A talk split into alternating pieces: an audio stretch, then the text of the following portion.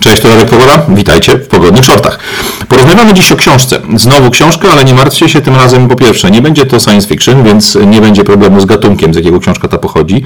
Po drugie, książka nie jest duża, bo ma zaledwie 40 parę stron. A po trzecie, nie musicie za nią nic płacić, jeśli chcecie się zapoznać z jej treścią. Możecie sobie spokojnie tę książkę ściągnąć w formie PDF-owej, w formie jakiegoś tam e, pliku tekstowego z internetu. Jest dostępna za darmo, można się z nią spokojnie e, zapoznać. E, książka ta ma anglojęzyczny tytuł Love Letter to America, czyli list miłosny dla Ameryki i napisał ją gość o nazwisku Thomas Schumann. Jeśli ktoś z Was interesuje się historią agentury, jeśli ktoś interesuje się historią manipulacji, historią tego ukrytego, agenturalnego wpływu na społeczeństwa, to nazwisko Thomas Schumann pewnie niewiele mu powie, ale już jego prawdziwe rosyjskie nazwisko, czy tam radzieckie, bo facet pochodził e, z ZSRR, już powinno powiedzieć Wam bardzo, bardzo wiele. E, jego radzieckie nazwisko to Jurij Aleksandrowicz Bezmienow, e, człowiek urodzony w, głęboko w Rosji, wychowany przez radziecki system szkolny, wychowany przez radziecki system wojskowy. E, człowiek, który wstąpił do KGB i przez całe lata szkolił się na to, szkolił się po to, aby zostać agentem wpływu, aby sterować e, uczuciami ludzi, emocjami ludzi, aby sterować właśnie tą agenturą wpływu w krajach obcych i wykonywać różnego rodzaju zadania, wykonywać zlecenia na rzecz Związku Radzieckiego, na rzecz Partii Komunistycznej i ludzi, którzy tą partią rządzili. E, Bezmienow do roku 70 pracował w Indiach na placówce, był oficerem prasowym radzieckiej ambasady w New Delhi. E, zajmował się tam różnego rodzaju zadaniami, czy różnego rodzaju projektami, które miały sprawić, aby wyzwalanie się Indii spod brytyjskiej korony przebiegało w sposób taki, który odpowiada właśnie władzom w Moskwie. E, był człowiekiem, który sporo na tym poletku zdziałał, ale w roku 70, 1970 zdecydował się o tym, żeby e, zbiec właśnie z Indii do Kanady. E, Kanadyjczycy udzielili mu azylu. On w Kanadzie, w Stanach Zjednoczonych funkcjonował przez całe lata. I w czasie, kiedy jakby działał zarówno jako doradca czy po prostu osoba, która była informatorem amerykańskich kanadyjskich służb, e, był też coraz bardziej aktywny we wszelkiego rodzaju działalności publicystycznej. Sporo mówił o metodach działania agentów wpływu, sporo pokazywał tego warsztatu, nazwijmy to, właśnie związanego z osiąganiem wpływu na społeczeństwa, z osiąganiem wpływu na narody. E, I z tej wiedzy możemy dzisiaj korzystać, bo e, nie wolno zapominać o jednej rzeczy, każdy konflikt ma dwie strony, ale najczęściej obydwie strony, zarówno ci tak zwani dobrzy i ci tak zwani źli, bo to rzadko jest biało-czarne, korzystają bardzo, bardzo często z tych samych metod, z tych samych narzędzi, z tych samych niefajnych, wrednych e, rozwiązań. E, co było najważniejszym przesłaniem Bezmienowa, czy tam tym przesłaniem, które chciałbym, żeby, e, z którym chciałbym, żebyście się zapoznali? Bezmienow stworzył taki materiał, możecie go znaleźć w formie wywiadu na YouTubie, ale również właśnie w formie tej darmowej książeczki Love Letter to America. Stworzył pewien scenariusz, czy pokazał nam pewien scenariusz tego, w jaki sposób można napaść na państwo nie wywołując wojny. W jaki sposób można zdobyć państwo, zdobyć wpływ, zdobyć e, całkowitą kontrolę nad danym obszarem, nad danym narodem, nie, nie tworząc z tym narodem otwartej wojny, nie wdając się w taki konflikt, jak mamy dzisiaj choćby na Ukrainie, czy jakie trwały od początku mm, tego wieku praktycznie non-stop na całym świecie. E, Bezmienow dzieli ten proces zdobywania nowego, wrogiego państwa na cztery etapy. Pierwszym z nich jest demoralizacja. I ten etap jest najdłuższy, wymaga bowiem wykształcenia, tak naprawdę wychowania całego nowego pokolenia, wychowania go w duchu tych nowych idei, tych nowych pomysłów, tego nowego spojrzenia, które zaszczepiamy przy pomocy właśnie agentury wpływu, e, specyficznie budowanych filmów, e, pisanych książek, artykułów, tworzenia całego tego, tych realiów, które nowe pokolenie przyjmuje jako swoje i idzie z nimi do przodu, idzie z nimi e, w swoje dorosłe życie. Ideą całej demoralizacji jest to, żeby całkowicie podkopać fundamenty obcego społeczeństwa. Tego społeczeństwa, które chcemy zniszczyć, albo tego społeczeństwa, które chcemy przejąć, nad którym chcemy przejąć kontrolę. E, odbywa się to najczęściej za pomocą agentów wpływu. No, agentami wpływu mogą być autorzy e, książek, mogą być e, celebryci, mogą być dziennikarze, mogą być publicyści, ludzie, którzy tworzą na co dzień treści, które są no, konsumowane przez przedstawicieli narodu, który chcemy sobie zdobyć. Podajemy temu społeczeństwu obce idee, nasze idee, takie, które sprawiają, że e, będą robili to, czego od nich chcemy, ale wprowadzamy też dużo zwątpienia w instytucje państwa, w którym mieszkają, wprowadzamy bardzo dużo młynu, bardzo dużo zamieszania w ich sposób myślenia. Chcemy aby to nowe społeczeństwo, aby to nowe pokolenie e, rosło według nowych, według skorumpowanych idei, idei, które my im podamy. E, I teraz tu Biezmienow szczegółowo opisuje trzy poziomy na których ta demoralizacja musi mieć miejsce. Pierwszym z nich jest poziom religii, poziom idei, poziom świadomości, czyli tego, w jaki sposób patrzymy na świat, w jaki sposób rozumiemy cel naszego życia, w jaki sposób nasze życie analizujemy. Poziom drugi to poziom struktur państwowych, poziom prawa. Tu oczywiście chodzi o to, abyśmy niszczyli zaufanie do państwa, abyśmy niszczyli wiarę w instytucje państwa, aby prawo stawało się tylko i wyłącznie narzędziem dla wielkich, narzędziem dla decydentów do tego, aby mogli wykorzystywać swój naród, aby zwykły człowiek zwątpił w to, że struktury państwowe służą jego obronie, aby zwykły człowiek zwątpił w to, że prawo, sprawiedliwość, uczciwość to są elementy, które e, są dla niego, za którymi ktoś stoi, aby zapewnić mu w ten sposób bezpieczeństwo przed prawem, przed aparatem państwowym i przed innymi ludźmi. E, ostatni element, ostatni etap, e, na którym odbywa się demoralizacja, to też poziom takiego codziennego życia i tej demoralizacji Bezmianow poświęca całą ogromną większość tej książki. Twierdzi, że ten proces, który owszem bardzo długo trwa, no bo wymaga czasu życia mniej więcej jednego pokolenia, tych 15, 20, 20 kilku lat, jest praktycznie nieodwracalny, a na pewno jest nieodwracalny w krótkim okresie. Czyli nie da się zmiany wprowadzanej właśnie przez 15-20 lat w psychikę ludzi, którzy mieszkają na danym terenie, nie da się tym ludziom pokazać, że zostali uwiedzeni, że zostali wyprowadzeni na manowce i pokazać im nowej drogi, drogi, która sprawia, że chcą jakby wrócić na, do starego sposobu życia, wrócić do starego, e, do starego układu, zrozumieć, że popełnili błąd i wycofać się na, do sposobu życia, który mieli wcześniej.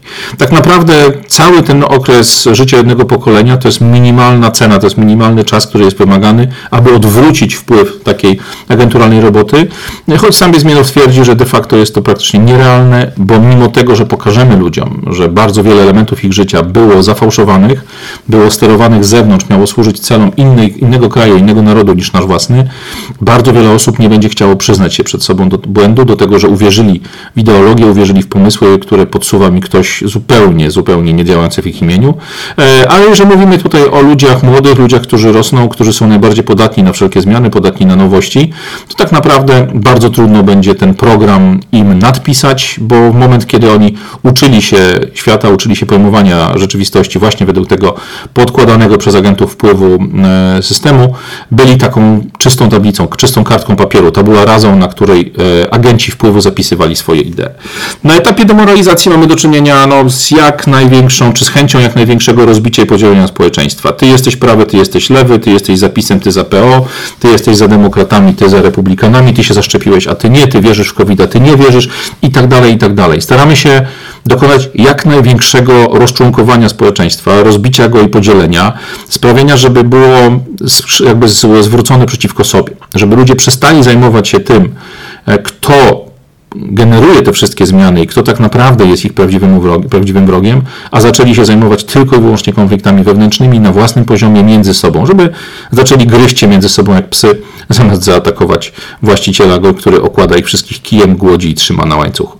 E, tu oczywiście trzeba sobie zdać sprawę, że mając nowoczesne środki komunikacji, mając media społecznościowe, mając e, Twittery, nie Twittery, TikToki i masę innych narzędzi, e, takie skłócenie ludzi przeciwko sobie nie musi być trudne. No, w świecie szybkiej komunikacji, bądźmy, bądźmy realistami, bardzo łatwo można wykreować wspólnego wroga, bardzo łatwo można nastawić ludzi przeciwko sobie, podzielić ich właśnie na małe grupki wokół jakiegoś hasła i cały czas podgrzewać, cały czas podkręcać temperaturę sporu, aby nic nie umknęło, e, aby ta, ta agresja, aby ten poziom gniewu, ten poziom frustracji między ludźmi, e, między grupami cały czas utrzymywać wysoko. E, co jest celem? Co tak naprawdę jest najważniejszą rzeczą? Przede wszystkim trzeba uderzyć w tradycję, trzeba uwierzyć, trzeba uderzyć w to, czemu ludzie ufają.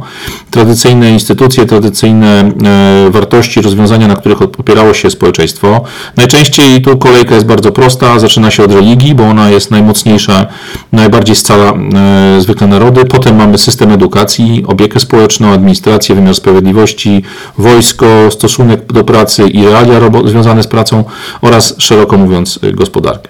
Jeśli chodzi o religię, no to wiadomo, e, atakuje się religię dominującą, e, oczywiście nakręcając w tym momencie osoby niewierzące na osoby wierzące. Religię trzeba ośmieszyć, trzeba oczernić, wskazać ludzi, którzy są czarnymi owcami w, takim, e, w takiej religii, w, takim, w takiej wierze, w takim, nazwijmy to w cudzysłowie, kościele czy grupie religijnej. E, każdą religię, która generuje właśnie głęboką tradycję, jakąś duchową świadomość, ten, ten spokój, który w ludziach pojawia się, kiedy wierzą w coś więcej niż tylko i wyłącznie doczesne życie, trzeba zastąpić quasi-religiami, trzeba zastąpić e, różnego rodzaju fałszywymi sektami. Tu oczywiście do głowy od razu przychodzi temat e, New Age, tu wchodzi, przychodzą do głowy tematy różnego rodzaju e, scjentologów, czy sekt, które funkcjonują nawet w naszych realiach, na, na pograniczach, czy tam na granicach Kościoła powszechnego, Kościoła katolickiego.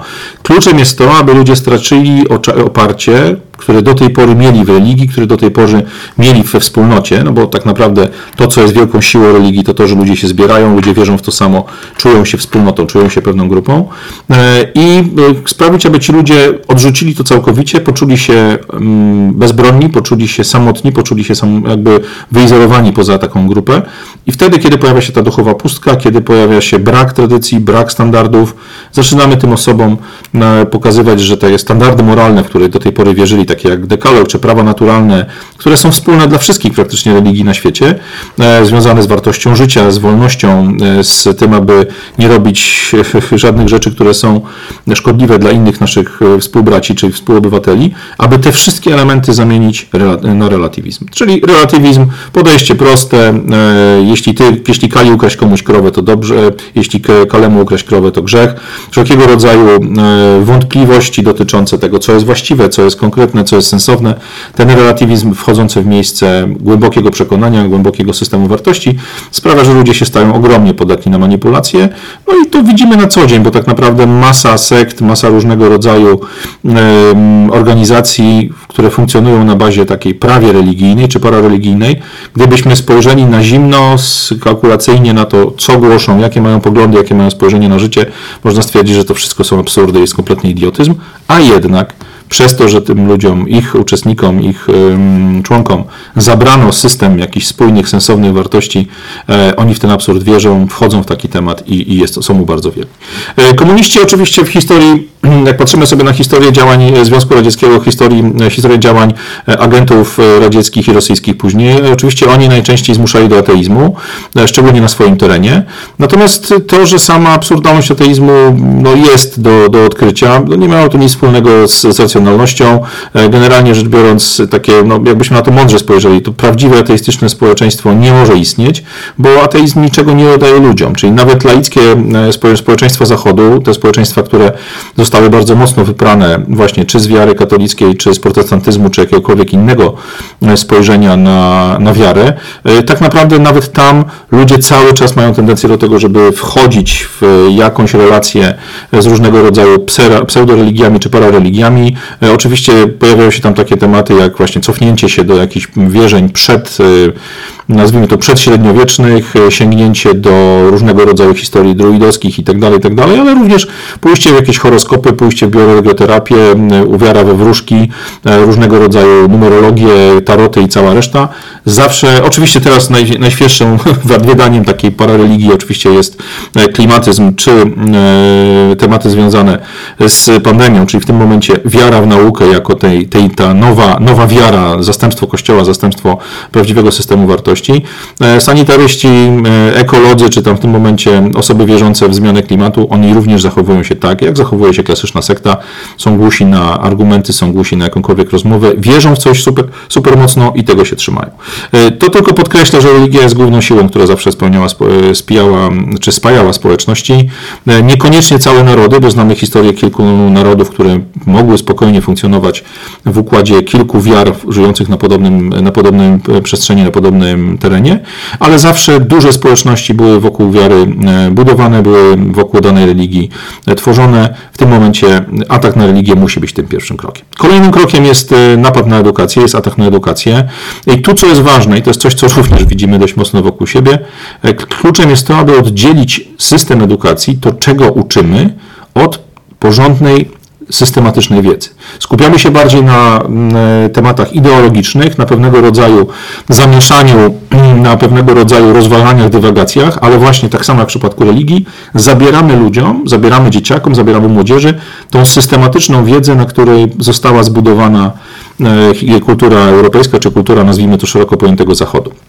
Zabieramy logikę, zabieramy e, historię, tą prawdziwą historię, zabieramy sposób funkcjonowania, sposób myślenia, e, który jest zgodny z, no, tym greckim ideałem, kiedy analiza faktów powinna dać nam pewne wnioski, a w to miejsce wrzucamy przedmioty, które już są bardzo głęboko przemyślane pod kątem właśnie skuteczności manipulacyjnej, czyli zamiast logiki mamy edukację seksualną, e, zamiast wszelkiego rodzaju mm, przedmiotów związanych ze sposobem budowania e, dyskusji, z e, nauką, wiedzą o języku i wielu, wielu innych rzeczy, mamy europeistykę, mamy wszelkiego rodzaju nauki miękkie, czyli te wszelkiego rodzaju umiejętności miękkie, które są dzisiaj wykładane na uczelniach i tym podobne. Efekt jest taki, że e, jakby nie tylko pozbawiamy ludzi aparatu myślowego, tego właśnie sposobu myślenia przyczynowo-skutkowego, ale też wypełniamy mu maksymalnie głowę rzeczami, które są co najmniej nietrwałe, rzeczami, które są bardziej manipulacją, które są bardziej realizacją pewnej polityki niż e, są prawdziwymi prawdami, są takimi no, twardymi, powtarzalnymi elementami, na których mm, e, kultura zachodnia była od zawsze oparta. Ostatnio do tego dokłada się jeszcze mm, całkowitą dehumanizację, czyli odcięcie ucznia od nauczyciela. I nie mówię tu tylko o nauce zdalnej w czasie lockdownów, mówię tutaj również o tym, że nawet w szkole dziś nauczyciel nie nosi dzienniczka, na którym ręcznie wypisywane są jakieś komunikaty między nim rodzicem i nauczycielem. Wszystko to zastąpiły różnego rodzaju systemy elektroniczne, do których się logujemy. Widzimy tam oceny naszych dzieciaków, widzimy tam właśnie wiadomości wymieniane między nami i nauczycielem. Nie ma tego kontaktu telefonicznego, nie ma spotkania.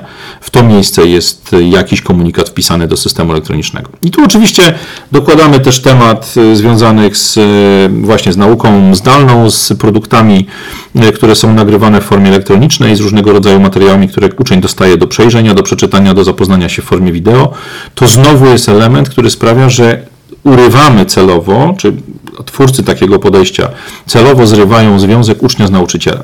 Jak ja, mając lat 40 parę, dzisiaj pamiętam swoich nauczycieli z czasów e, później podstawówki czy liceum, no bo tych wcześniejszych, nie czarujmy się, praktycznie się nie pamięta, to pamiętam właśnie relacje. Pamiętam to, że moja pani od niemieckiego potrafiła do mnie dotrzeć, że mój facet od biologii był, był absolutnym mistrzem świata, że gość od geografii czy historii byli fantastycznymi pedagogami, fantastycznymi ludźmi, a dopiero potem wykładowcami czy nauczycielami jakiegoś tam e, przedmiotu. Ja tych ludzi pamiętam pamiętam, ci ludzie są dla mnie pewnym wzorem. Moje dzieci, które dzisiaj mają lat 16-17, takie relacje już raczej nie mają. Pojedynczych nauczycieli oczywiście pamiętają, ale widać, że szkoła ma działać inaczej, szkoła ma funkcjonować właśnie jako taki producent towaru taśmowego, ucznia taśmowego, ucznia, który jest dopasowywany do potrzeb systemu, który wychodzi ze szkoły wyposażony tylko i wyłącznie w to, co dzisiaj potrzebne jest, y, nazwijmy to otwarcie, korporacją i korporacją urzędniczym. Y, szkoła jest y, celem od lat już, celem ataku różnych grup, są to marksiści, feminiści, jacyś tam euroentuzjaści, globaliści, ludzie związani z najróżniejszymi trendami, które dzisiaj próbują narzucać swoją wizję świata i szkoła poddaje się i otwiera się na wszelkie tego typu ruchy, bo w szkole bardzo często funkcjonuje to pierwsze, wcześniejsze pokolenie rewolucjonistów, ludzi, którzy te nowe trendy, te nowe pomysły chcą wprowadzać za wszelką cenę. E, dawno, dawno temu już wymyślono, że właśnie przez szkołę, przez system edukacji można zmieniać społeczeństwa i efekty zmiany tego społeczeństwa są widoczne na co dzień. Mamy więc e, demoralizację na poziomie wiary, na poziomie religii, e, demoralizację na poziomie szkoły. Kolejnym elementem to życie społeczne. Tu oczywiście można pójść kilkoma różnymi drogami. Bezmienow pokazuje, że najbardziej skuteczną to jest droga aparatu, e, które jakby reprezentuje państwo opiekuńcze, e, czyli mamy wszelkiego rodzaju e, zasiłki, dodatki, systemy socjalne, które wynagradzają tych, którym się nie chce, którzy nie pracują, na koszt tych, którzy zapierniczają jak mróweczki od rana do wieczora. Oczywiście tu oprócz tego, że ludzie uzależniają się od urzędników, uzależniają się od wypłat, tego wszelkiego rodzaju socjalu i tak dalej, nie tracą odpowiedzialność za własne życie, czy właściwie oddają odpowiedzialność za własne życie w ręce innych.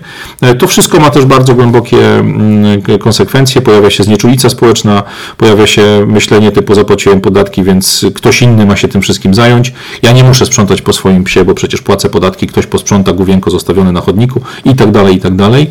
W tym życiu społecznym można zrobić bardzo dużo złego, korzystając po prostu z aparatu urzędniczego, z ludzi, którzy nie ponoszą żadnej winy za swoje decyzje, którzy są zawsze pod parasolem e, tej, tego bezpieczeństwa zapewnionego przez czerwoną pieczątkę, którą trzymają w ręce.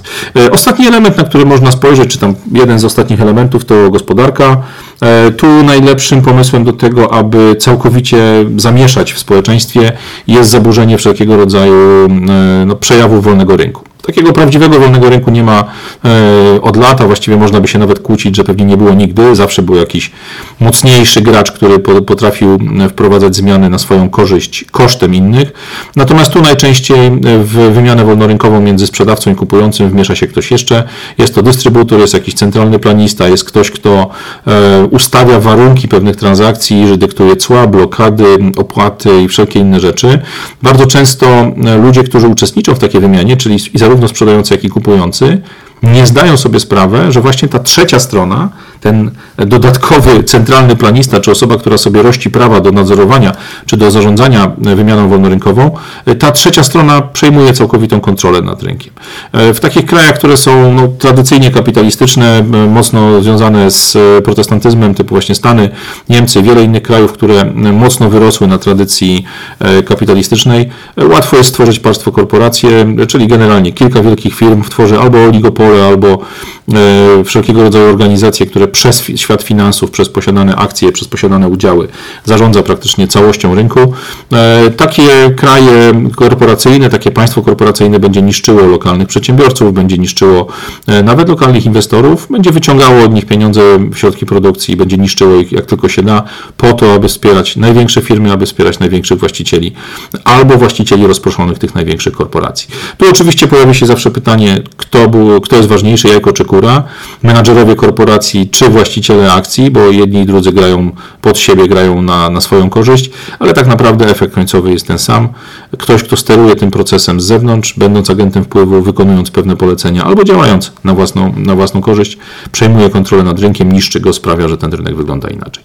Oczywiście narzędziem do pracy w, w tym etapie w tym etapie dezinformacji, w tym etapie związanym z destabilizacją i demoralizacją są media. Tu e, środki przekazu wszystkie stają się narzędziami do manipulacji, mają ogłupiać, mają być e, stronnicze, mają sprawiać, że ludzie będą wlepiali wzrok w telewizory. Temu oczywiście służą wszelkiego rodzaju chwytliwe tytuły, clickbaity, te wszystkie elementy, które widzicie na co dzień e, na portalach, w telewizjach czy w radiu, one wszystkie mają związać Waszą uwagę i odwrócić uwagę zwykłego człowieka od tego, co naprawdę ważne, aby nie widział manipulacji, aby nie widział machinacji, które odbywają się zaraz za jego, za jego oczami.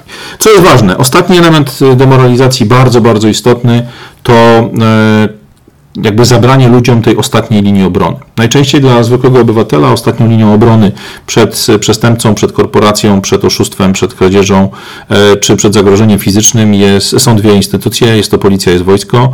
E, widzieliśmy jak pięknie w czasach pandemii e, wykorzystano policję, wykorzystano wojsko, jakieś tam jeszcze dodatkowe służby, czy Straż Miejską, czy WOD, do tego, aby zgromadzić i połączyć je wszystkie w jeden organizm, w jedną organizację, która była przeciwko, która pracowała przeciwko narodowi.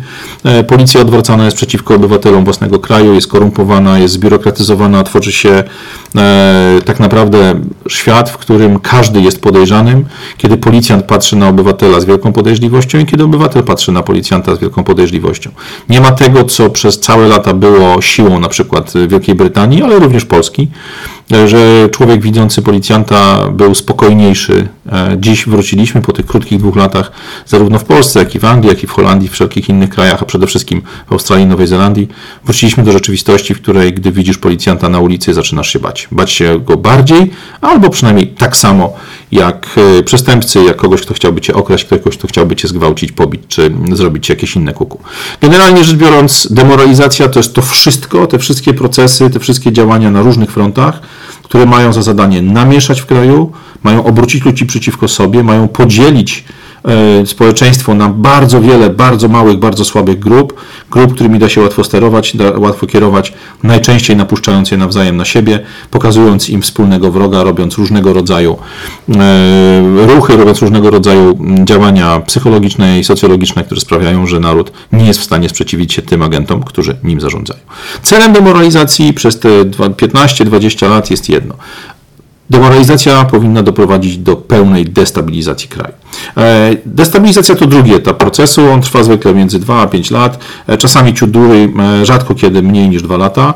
W tym momencie agresor, ten agent, który napada nas, czy kraj, który próbuje dany, dany teren zdobyć, skupia się na tym, żeby przejąć pełną kontrolę nad kluczowymi elementami, nad kluczowymi sferami. Najczęściej skupiają się w tym momencie ci napastnicy, w cudzysłowie, nad tym, żeby przejąć całą strukturę władzy, czyli zarówno rządowej, jak i samorządowej, żeby przejąć politykę zagraniczną w pełni, przejąć kontrolę nad gospodarką i przejąć kontrolę nad tym, co stanowi no, taki core społeczeństwa, czyli wszelkiego rodzaju tematy związane właśnie z rzeczami ważnymi dla zwykłego człowieka, czyli mamy tu edukację, mamy tutaj system ochrony zdrowia, mamy wiele, wiele innych rzeczy, które dotyczą właśnie całego społeczeństwa. Etap destabilizacji ma jeden cel. Ma doprowadzić do bardzo ostrej walki o władzę, ma doprowadzić do tego, aby te e, wściekłe psy, które e, zagoniliśmy do małych grupek w tym demolowanym społeczeństwie, doprowadzić do takiego ciśnienia, że w formie takich oddolnych ruchów, w formie jakichś tam ruchów radykalnych, ludzie ci zaczynają skakać sobie nawzajem do oczu.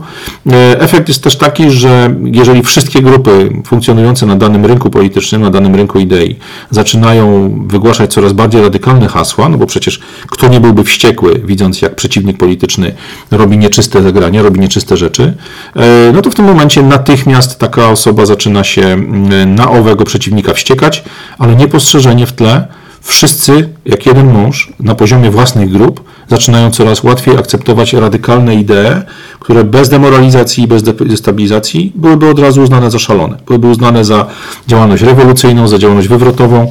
No ale jeżeli zabierzemy ludziom oparcie o tradycję, oparcie o taki solidny kręgosłup moralny, jakim jest wiara, jeśli zabierzemy ludziom e, świadomość tego, jak funkcjonuje świat przez właśnie odebranie im e, możliwości logicznego myślenia, spokojnego myślenia, okazuje się, że najbardziej zwariowane i wywrotowe pomysły nie są wcale takie zwariowane, nie są wcale takie nierealne.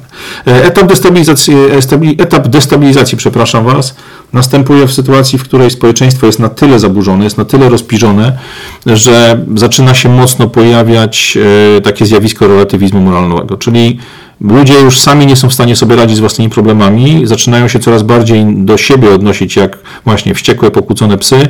Proste konflikty zaczynają się mm, kończyć wielkimi awanturami, e, pojawiają się protesty, pojawia się bałagan na ulicach, prawa jakiejś tam grupy społecznej, czy jakiejś e, grupki wybranej z tego całego tła, e, tła z tego całego, mm, z całej tej listy mm, maleńkich grupek, które są efektem podziału społeczeństwa.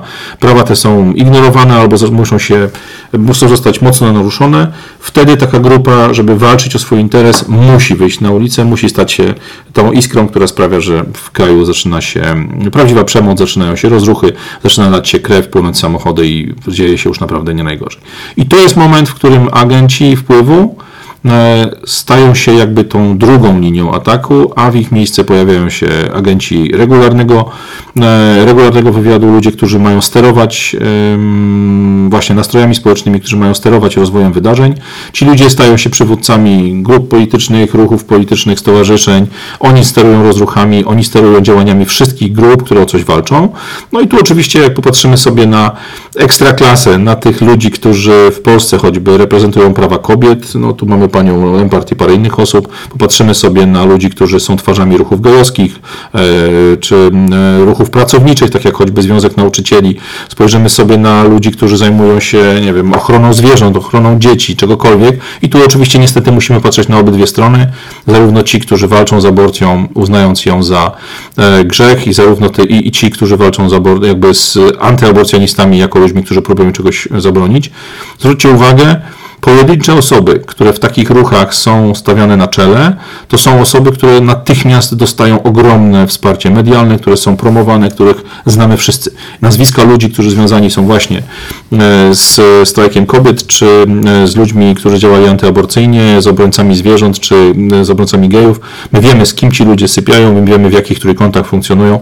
Oni jako przedstawiciele, jako ci najbardziej istotni ludzie w danym, w danym ruchu są nam pokazywani, są promowani, są wypychani absolutnie na czoło po to, abyśmy uwierzyli, że, to, że zostali jakby oddolnie, zdołali sobie wywalczyć jakąś tam pozycję w swoich ruchach, a tak naprawdę to są najczęściej podstawieni agenci, ludzie, którzy pozycję polityczną uzyskują tylko dlatego, że stoi za nimi właśnie jakaś agentura, jakieś pieniądze, jakieś grupy medialne czy osoby, które chcą coś zrobić naszemu narodowi.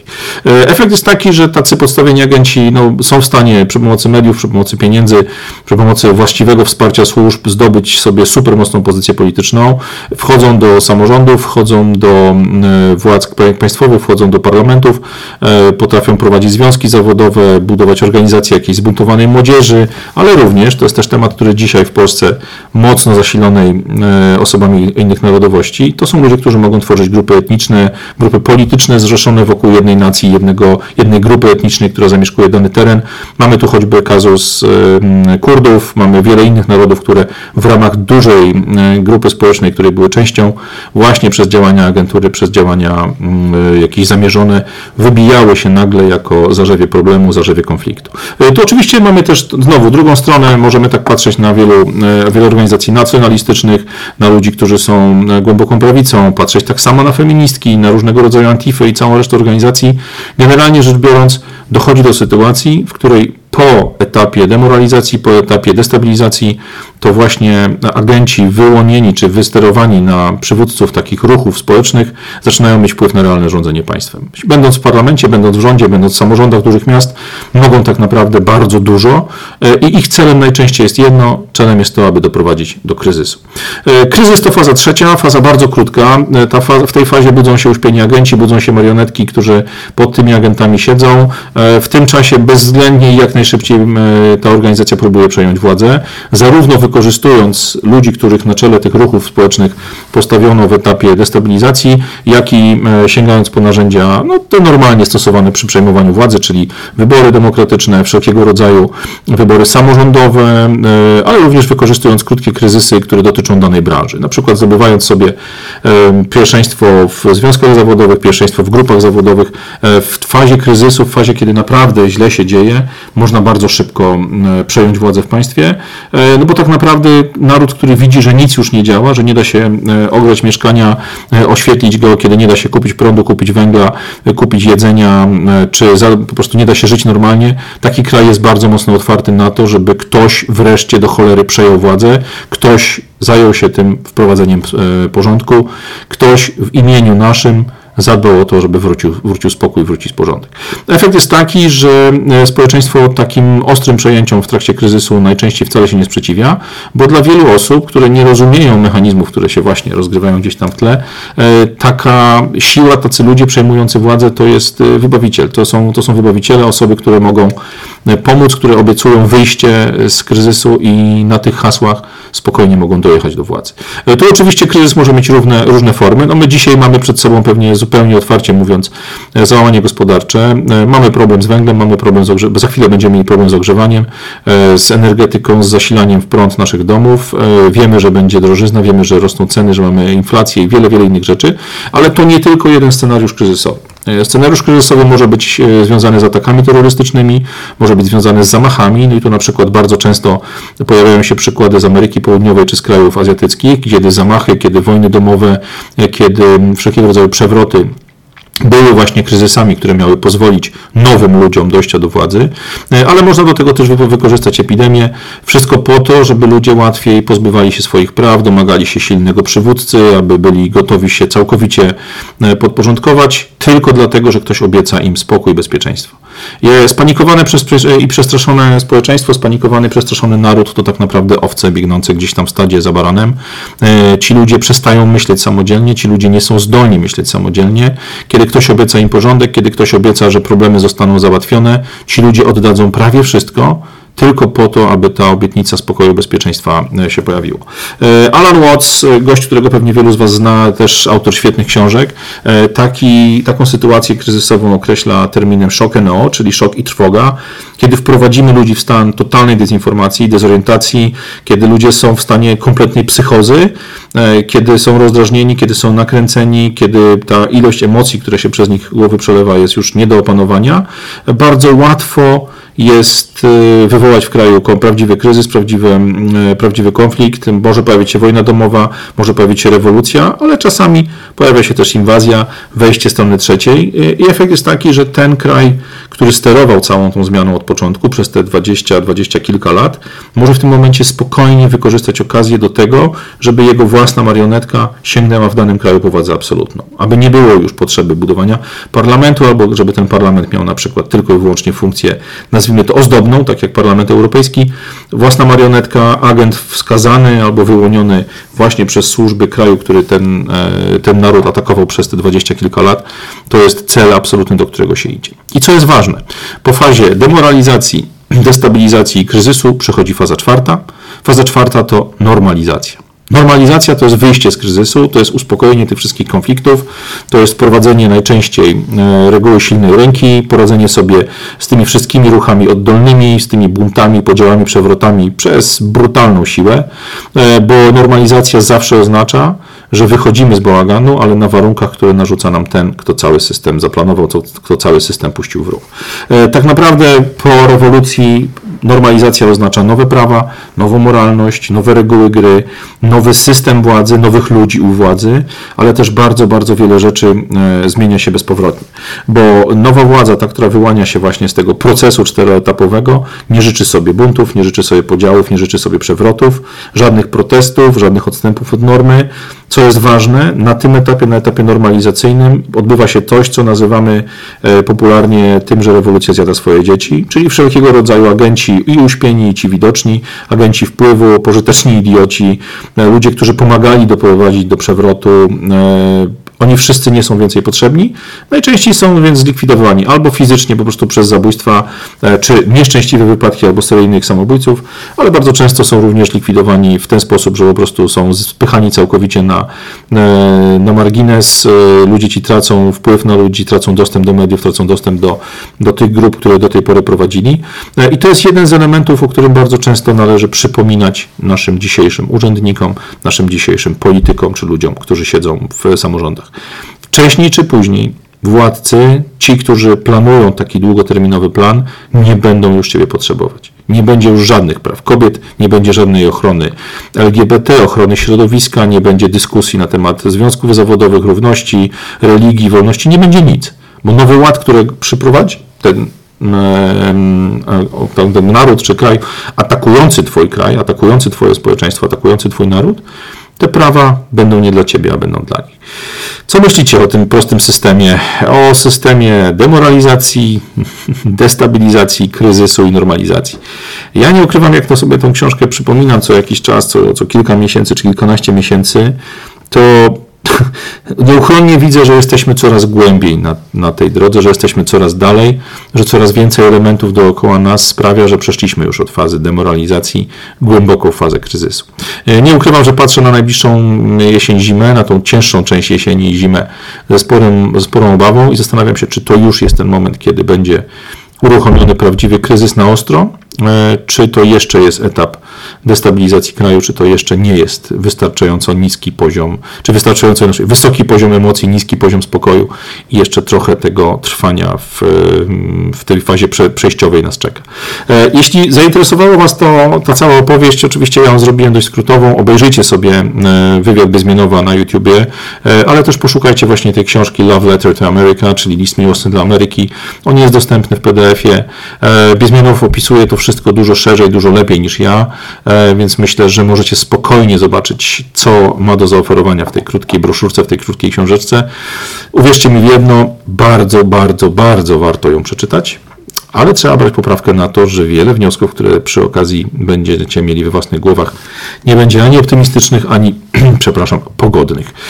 Tyle z mojej strony. E, Warto takie rzeczy czytać. Przepraszam, że znowu niespecjalnie pogodnie, ale wiedząc jaki jest plan, wiedząc jaki jest rozkład zajęć, wiedząc co mają e, w swoich rozkładach jazdy e, zaplanowani ludzie, którzy próbują nas przez ten cholerny czteroetapowy proces przeprowadzić, łatwiej się w tym wszystkim odnaleźć, łatwiej się w tym wszystkim ustawić.